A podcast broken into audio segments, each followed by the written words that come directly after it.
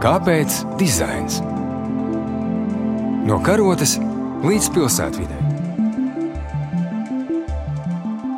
Labdien, radioklausītāji! Klasikas studijā ir Ilza Martinsone, Latvijas arhitektūras muzeja vadītāja. Šodien es sarunājos ar Ingūnu Eleri, dizaina biroja H2E līdzīpašnieci un Ilzi Rukšāni no Ainau projektēšanas studiju Alps.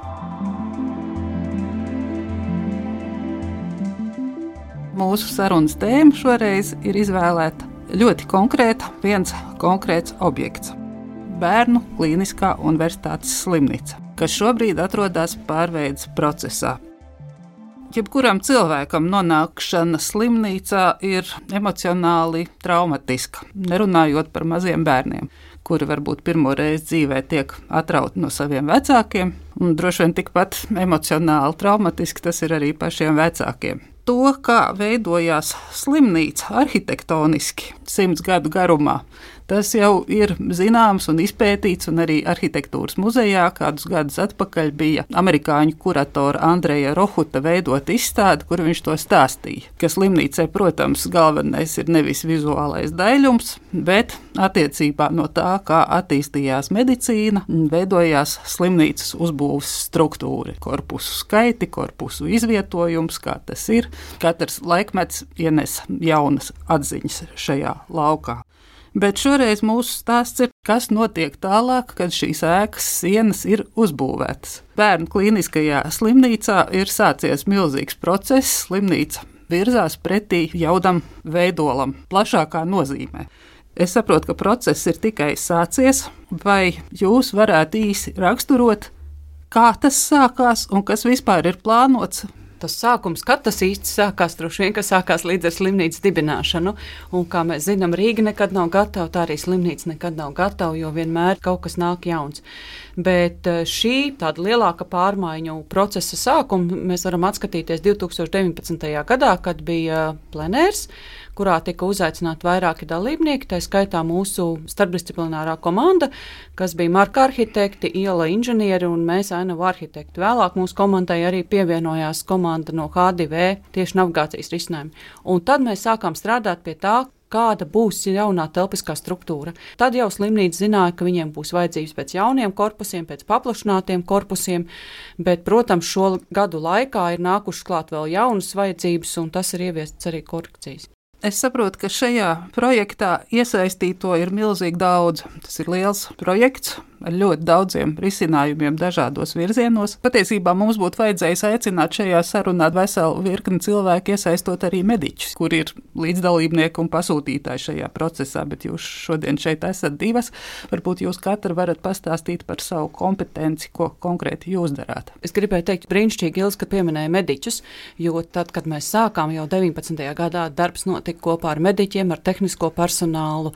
Tāpatās mēs runājām arī ar satiktajām bijām mamām un tētiem turpat teritorijā, un, protams, arī paši esot mammas un tēti no savas perspektīvas. Tas ir tāds holistisks pieeja, daudzpusīga, kurā ir iesaistīti ļoti daudz cilvēki, bet katram arī pārstāvot to savu profesionālo specifiku. Mūsu dizaina biroja HDV gadījumā tas ir navigācijas dizains un uh, vides grafikas dizains, lai emocionāli atbalstītu ne tikai pacientus, bet arī personālu. Un, uh, tad, tad var teikt paldies gudrai slimnīcas valdei un vadībai, kura pieņem lēmumu, ka no sākuma ir nepieciešama stratēģija, koncepcija, tad projekts projekts, un tad pakāpeniski ir plāns, kā visu pamazām, pamazām realizēt. Jūs skatāties, ka slimnīca ir dzīves organisms, kur attīstās, kur nāk klāt jaunas ēkas, kur tiek rekonstruētas vecās ēkas, bet, ja ir plāns un sistēma, tad pēc tam ir vieglāk ar to visu strādāt. Un tas, kas ir izdarīts šo gadu laikā, ir nostabilizēta navigācijas dizaina stratēģija gan iekštelpai, gan ārtelpai, un tagad pakāpeniski, pakāpeniski tas tiek pielietots jaunajos rekonstruētajos korpusos korpusos, kā piemēram dienas stacionārā, kas ir tāda aizberga, mazā redzamā daļa, kurā mēs ar savu darbu iedodam pacientam šo emocionālo atbalstu, lai sienas nav tikai sienas, bet ka sienas arī var palīdzēt šim mazajam bērnam sniegt spēku, izturību, drosmi palīdzēt pavadīt laiku, kas ir jāpavada šajā dienas stacionārā. Savukārt no ainavas telpas skatu punkta mums bija ļoti svarīgi kopā ar arhitektiem un ceļu inženieriem saprast, kā vispār veidojas kopējā telpas struktūra, lai šī telpa veidotos par dziedinošu telpu, lai tā nebūtu tikai tranzīta telpa. Un katrs, kas ir bijis bērnu slimnīcā, redzējis to ļoti lielo automašīnu īpatsvaru. Un mēs, protams, saprotam, ka mazie pacienti un liela daļa pacientu ieroči šeit ar automašīnām. Bet tas mūsu mērķis bija saprast, kā mēs varam tieši visā teritorijā mazināt automašīnu ietekmi, nodrošināt visas, tā skaitā, teiksim, nepieciešamās mobilitātes pacientiem ar kustību traucējumiem, piegādes, veļas piegādes, ēdināšanu, apsaimniekošanu. Mūsuprāt, arī viens ļoti liels pienesums ir tas, ka slimnīca ir pamanījusi, ka viņiem ir eh, brīnišķīgs parks, kas līdz šim varēja būt tāda nomaļa vieta, ko reti kurš izmantoja, bet sākot šo procesu, ir atvērta parka daļa. Palēnām parks tiek sakopts, tiek izcirsti bīstamie koki, tiek veidots taciņu tīkls. Arī šobrīd izveidots divas taciņas, bet mēs jau jūtam, kā parks kļūst par parku. Nav vajadzīgs reizēm daudz, bet pavisam, pavisam nelieli šie solīši. Man ļoti patika, Ilze, tas, ko tu pieminēji mūsu sarunā iepriekš, ka parks slimnīcas teritorija zaudēs noslēgto žogu. Tā ir taisnība. Jā, ne tikai parks, bet viss perimetrs ir atvērts, žoks ir nomainīts. Mēs saprotam, slimnīcā ir nepieciešams, bet es domāju, ka tā žoga nojaukšana un tā parādās jau kā tāda tendence arī citās slimnīcās, arī psihiatrijas narkoloģijas centra Stradiņas slimnīca nojaukuši šo žogu. Tā ir tāda atvērtība pret sabiedrību, un es domāju, ka iegūst gan apkaimi, gan slimnīcu. Mēs paplašinām vizuāli tās teritorijas, un arī šī žoga nojaukšana mums dod jau nojausmu par to, kas tālāk. Un tas palīdz gan sakārtot to iekštelpu, gan sakārtot to ārtelpu. Īsnībā tādas caurspīdīgas sienas vieglāk attainot tās nekārtības. Un tajā telpiskā struktūrā, ko mēs strādājām, arī procesa ietvaros mēs minējām par to, ka tā problēma ir ar piekļuvi, arī ar sabiedrisko transportu. Tā rezultātā mēs jau zinām to, ka būs jauna dzelzceļa pietura bērnu slimnīca. Pietura atgāzene tiks pārcelta tuvāk, un pietura sauksies bērnu slimnīca. Līdz ar to veidosies jauna ieeja, jauns mezgls.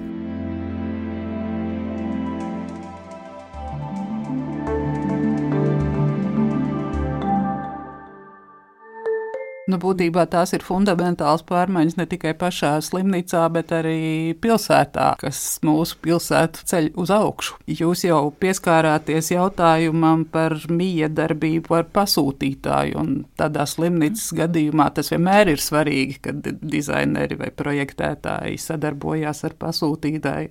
Bet slimnīcas gadījumā man tas liekas īpaši specifiski, jo nu, dakteri, mediķi jau it kā ļoti labi zina, ko viņiem vajag. Bet nu, reizēm izrādās, ka jūs varbūt kaut ko zināt labāk, kā viņi varētu dzīvot. Katrai profesijai ir sava specifika. Vēlreiz atkārtošu to, ka ik katram ir tiesības uz labu dizainu, un īpaši nokļūstot slimnīcā, kā pacientam tiesības uz labu dizainu. Bet, lai taptu labs dizains, ir nepieciešams gudrs un tālredzīgs pasūtītājs. Bez tā nav iespējams uh, labi dizaina risinājumi.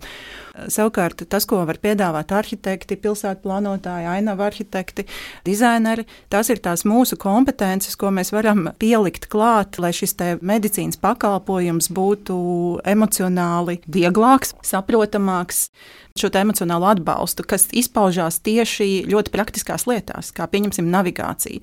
Mēs katrs esam bijuši situācijā, kad mums uh, vajag skaidri norentēties. Tādējādi mēs taupam gan šī medicīna personāla laiku, kuram nav jāatbild uz jautājumiem, kā nokļūt līdz korpusam tādam un tādam, un mēs sniedzam apmeklētājiem tādu pārliecību par to, ka viņš zina, kur atrodas, kur dodas. Un katra profesija studē vairākus gadus. Visu cieņu mediķiem, es tiešām abrīnoju viņus par zināšanām un, un darbu, bet uh, arī arhitekti un dizaineri studē 6, 7 gadus, lai iegūtu tās zināšanas, kas viņiem ir, lai viņi tālāk varētu viņus pievienot uh, jebkuram citam problēmu risinājumam. Jā, es gribētu teikt, ka bez ārstiem, māsām un bez tehniskā personāla mēs pat nevarētu izdarīt to darbu, jo mums ir vajadzīgs ļoti svarīgs viņu inputs, kas ir tas, kas viņu dzīvi atvieglo. Un mēs esam tie zīmoļi, kas to viņu ikdienu padara vieglāku. Un tie ir tie principi, kā jau Vingūna teica, mēs mācāmies 6, 7 gadus un vēl ilgāk, un ar katru gadu pieredzi vēl tikai pilnveidojam tie tie dziedinošas telpas principi un salutoģenēzes principi, kādus mēs integrējam šajā ārtelpā un vidē. Un tas nozīmē, ka mēs domājam gan par maziem pacientiem, gan par personālu, ne tikai medicīnas personālu, bet arī tehnisko personālu, atbalsta personālu, jo arī medicīnas personālam ir jādomā, ka viņiem ir ļoti augsts izdegšanas risks. Mums vajag tās telpas, vietas, kur pabūt vienam, kur pabūt kādā grupiņā, kur aiziet apspriesties, bet tādu vietu, kur tu saproti, ka vari sakoncentrēties un kas tev palīdzētu pieņemt arī dažādus grūtus lēmumus. Un arī apmeklētājiem, tām mamām, tētiem un citiem, kas ierodās, lai viņiem būtu sajūta, ka ne tikai telpās par viņiem rūpēsies, bet ka ārtelpa ir tā, kas ir šis atbalsta instruments. Mēs jau runājām, ka šis ir ļoti daudzu speciālistu kopdarbs tā skaitā jūs abu. Es saprotu, ka šeit ir veiksmīgs gadījums, kad iekštelpa turpinās tās idejas arī ārpusē. Man interesē, kā notiek jūsu sadarbība šo visu daudzo speciālistu, kaut vai jūsu abu. Tas ir nebeidzamas sapulces, darbnīcas, sapulces gan iekšēji mums sadarbojoties, gan ar slimnīcas personālu vadību, jo tiešām mēs ietekmējam viens otru, jo ir lietas, ko mēs nezinām, ko var pateikt tikai slimnīcas personāls, kā piemēram šajā dienas stacionāra gadījumā ir procedūra telpas trīs. Un tikai runājot ar slimnīcas personālu un arī saņemot viņu ierosinājumu, kā mēs varam procedūru telpas eh, padarīt eh, tad, emocionāli atbalstošākas, kaut vai nerakstīt uz viņām procedūru telpas, bet nosaukt viņas par varoņa telpu, par spēka telpu un par drosmes telpu. Un šajās telpās uz sienas uzlikt kaut vai trīs vārdus - iztur, nepadodies. Un tā ir tā miedarbība, vai arī no šīs tieši slimnīcu ārstu pieredzes kad uh, uz durvīm pirms nākt iekšā mēs uzliekam fotografiju ar to, kāda izskatīsies telpa un ārsts, kas viņu sagaida. Tur ir šī miedarbība, kas radās sarunās, tikšanās reizēs, zīmējot, plānojot. Nu jā, tas ir sarunas. Tas laikam ir tas uh, savstarpēji sarunāties, sarunāties un vēlreiz sarunāties un saprast, ka mēs viens otru papildinām. Tas jau ir tā burvība strādājot komandā. Iegūst varbūt arī kādu pārliecību reizēm, tad, kad grūtāk pieņemt lēmumu, tad ir otrs, kas palīdz pieņemt lēmumu. Tas tāds savstarpēja sadarbība. Es nezinu, man šķiet, ka tas ir bijis viegls process. Līdz ar mm -hmm. to mhm.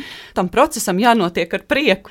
Tas ir ļoti svarīgi. Es jā. saprotu, ka ar pasūtītāju jums ir paveicies, jo reizēm arhitekti ļoti konfliktē ar pasūtītāju, mēģinot labā nozīmē celt uz augšu pasūtītāju gaumi vai prasības. Bet no malas skatoties, man liekas, ka jums veicās šis process ar savstarpēju sapratni un diezgan raiti. Nu jā, tas ir soli pa solim. Es domāju, ka darbs šo gadu garumā. Cieņu izturoties vienam pret otru, tas ir tiešām tāds eh, ieguvēji ir sabiedrība kopumā. Kāpēc tad ir šīs pārmaiņas un strateģiskā domāšana?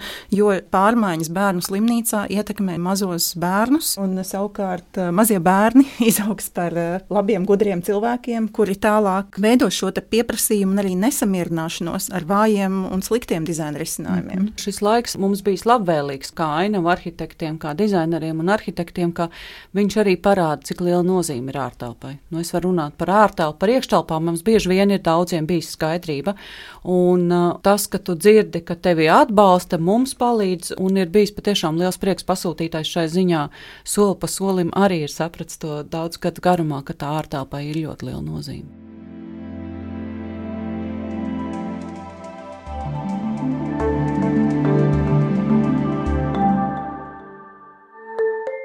Vēl es gribēju jautāt par to, kam Ingūna jau pieskārās. Jo līdz šim man liekas, slimnīcas, ja viņas arī funkcionāli un loģiski ir atrisinātas, ir tīras un svaigas, tad vienalga šis pacienta emocionālais atbalsts ārkārtīgi pietrūkst. Pat pieaudzis cilvēks atnāk pie ārsta, viņam ir priekšā izmeklējums, viņš pārbījies, jo viņš nezina, kāda būs viņa diagnoze. Nerunājot par mazajiem bērniem, kam tas varētu būt šoks. Man gribētos, ka jūs pastāstat vēl vairāk par šiem emocionāli uzmundrinošajiem risinājumiem. Katra arī slimnīcas sēkļa ir savādāka, un katrai sava specifika un funkcija. Mēs patreiz runājam plašāk par šo dienas stacionāru, kas nu pat ir pabeigts, bet šī pieeja arī slimnīcai, kad eh, telpās bērnus sagaida šī gadījumā zilais sapņu lācis, kurš eh, uzmundrina, iedrošina, pasaka atslēgas vārdus, lai inicētu domas vai sarunas ar vecākiem, vai domāt par kādu lietu, kā piemēram faktus mēs pārvēršam stāstos. Fakts, ka lācis dienā apēda 10 kg barības, tiek pārvērsts, pieņemsim, tekstā, kur saka lācis, es ēdu pavisam maz, tikai vienu spaini dienā. Vienkārši tādā veidā palātās, kur jāguļ šiem bērniņiem visu dienu, tiek iedots tāds pavadiens domām, tādam pozitīvām, kas mums arī bija svarīgi, radīt šo te tekstūru, materialitātes. Tagad jau aizēju detaļās par dizainu, bet tas ir ārkārtīgi svarīgi, jo kā mēs šo sienu izmantojam, vai mēs pieliekam vienkārši bildi, kas ir redzama jebkur citur, vai mēs ar cieņu izturoties pret pacientu radām tieši speciāli viņam zīmējumu, materialitātes sajūtu un emocionālu atbalstu. O, jā, Ilze, un tu pieminēji tādu jauku terminu dziedinošā ainava. Nu, jā, un tā ir telpa, kurā mēs saprotam, ka mums pirmkārt jau ir viegli orientēties, ka mēs viegli saprotam. Viņa arī ir jēgpilna, bet tā ir vieta, kur man ir viegli pieņemt lēmumus. Tātad mums ir vietiņas, kur apsēsties, kur pabūt vienatnē, kur pabūt divatā, kur pabūt lielākās grupiņās, kur man ir iespēja sajust dabas klātbūtni, pieskarties augiem, viņus vizuāli redzēt un sajust. Mēs strādājam ar visām maņām, tas ir ļoti svarīgi. Un tas, kā šodien mūsdienās mēs vairs nerunājam tikai par piecām piecām maņām, bet mēs runājam par septiņām, astoņām, deviņām, daži jau pat sauc virs simts maņām. Bet nu, kādā veidā mēs iekļaujam līdzsvara sajūtu, kādā veidā mēs iekļaujam savu ķermeņa apzināšanos, savu ķermeņa aprises un um, atmiņas. Arī vecākiem mēs nevaram rēķināties, ka tie tikai mazie pacienti, bet kā vecāki mēs uztveram to telpu un vietu.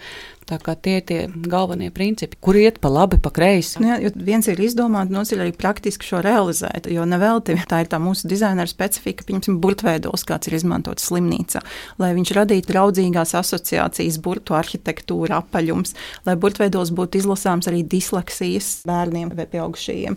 Šī vieglā saprotamība, kompozīcija, tas ir tās praktiski profesionālās detaļas, kas veido visu kopējo vidi un sistēmu. Un, ja ir radīta vienreiz šī sistēma, tad pēc viņas gadu desmitus tālāk var attīstīt, attīstīt pamazām katru jaunu ēku vietu. Nu, universālā dizaina principu mēs varam teikt. Tas jau laikam jau šis universālā dizaina termins jau ir iegājies mums ikdienā. Vai ir arī kādi konkrēti dziedinošie augi ar konkrētām smaržām? Protams, ir ārstniecības augi dažādi, bet te atkal ja tas par augu izvēli īstenībā ir ļoti labs jautājums, jo tā arī ir ļoti būtiska, tad, ja mēs domājam par dažādām diagnozēm.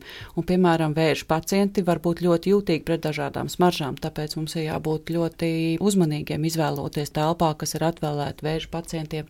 Un, protams, mēs slimnīcā neliksim uh, asus augus, sērkšķainus, indīgus augus. Vai jūsu darbam tagad ir iemērīts kaut kāds gala termiņš, vai slimnīcā ir vēl kādas tālākas nākotnes ieceras attīstības, ja tas šobrīd nav skaidrs? Šobrīd būvniecībā ir 21. korpus un neatliekamās palīdzības. To mēs ceram jau tuvākajā laikā, tas ir tuvāko divu gadu laikā, kā pilnvērtīgi funkcionēs.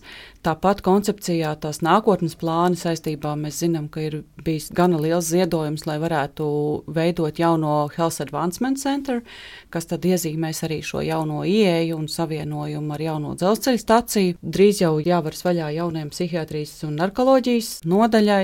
Tā solīt pa solītim palēnām arī plānojām jauno infekciju nodaļu, kā viņi varētu pārvietoties. Tas, kas ļoti, ļoti svarīgi slimnīcā ir veidot, var jau redzēt, viņa tā kā tāds tīmeklīts, cits saka, zirneklīts, mēs sakam, kā koks, kur izvijās un kur veidojās tie zāri, lai mazie pacienti arī ziemas laikā tiktu pārvietoti pa iekštelpām un savukārt nodrošināt dažādu infekciju gadījumā arī iespēju izolācijai. Tā kā tas koks aug un tie zari nāk jauni klāt.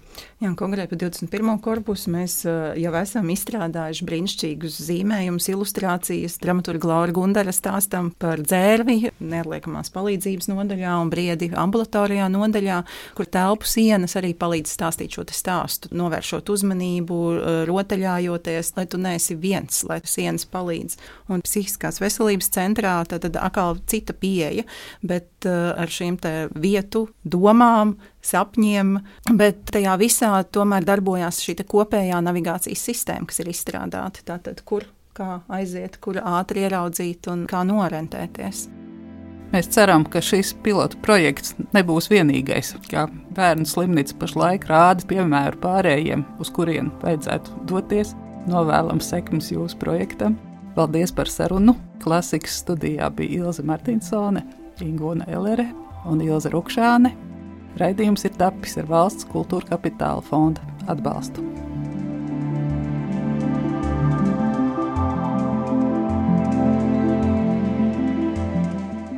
Kāpēc dizains? No karotes līdz pilsētvidē. Pirmdien, 9.5. ar atkārtojumu sestdien, 18.18. 18.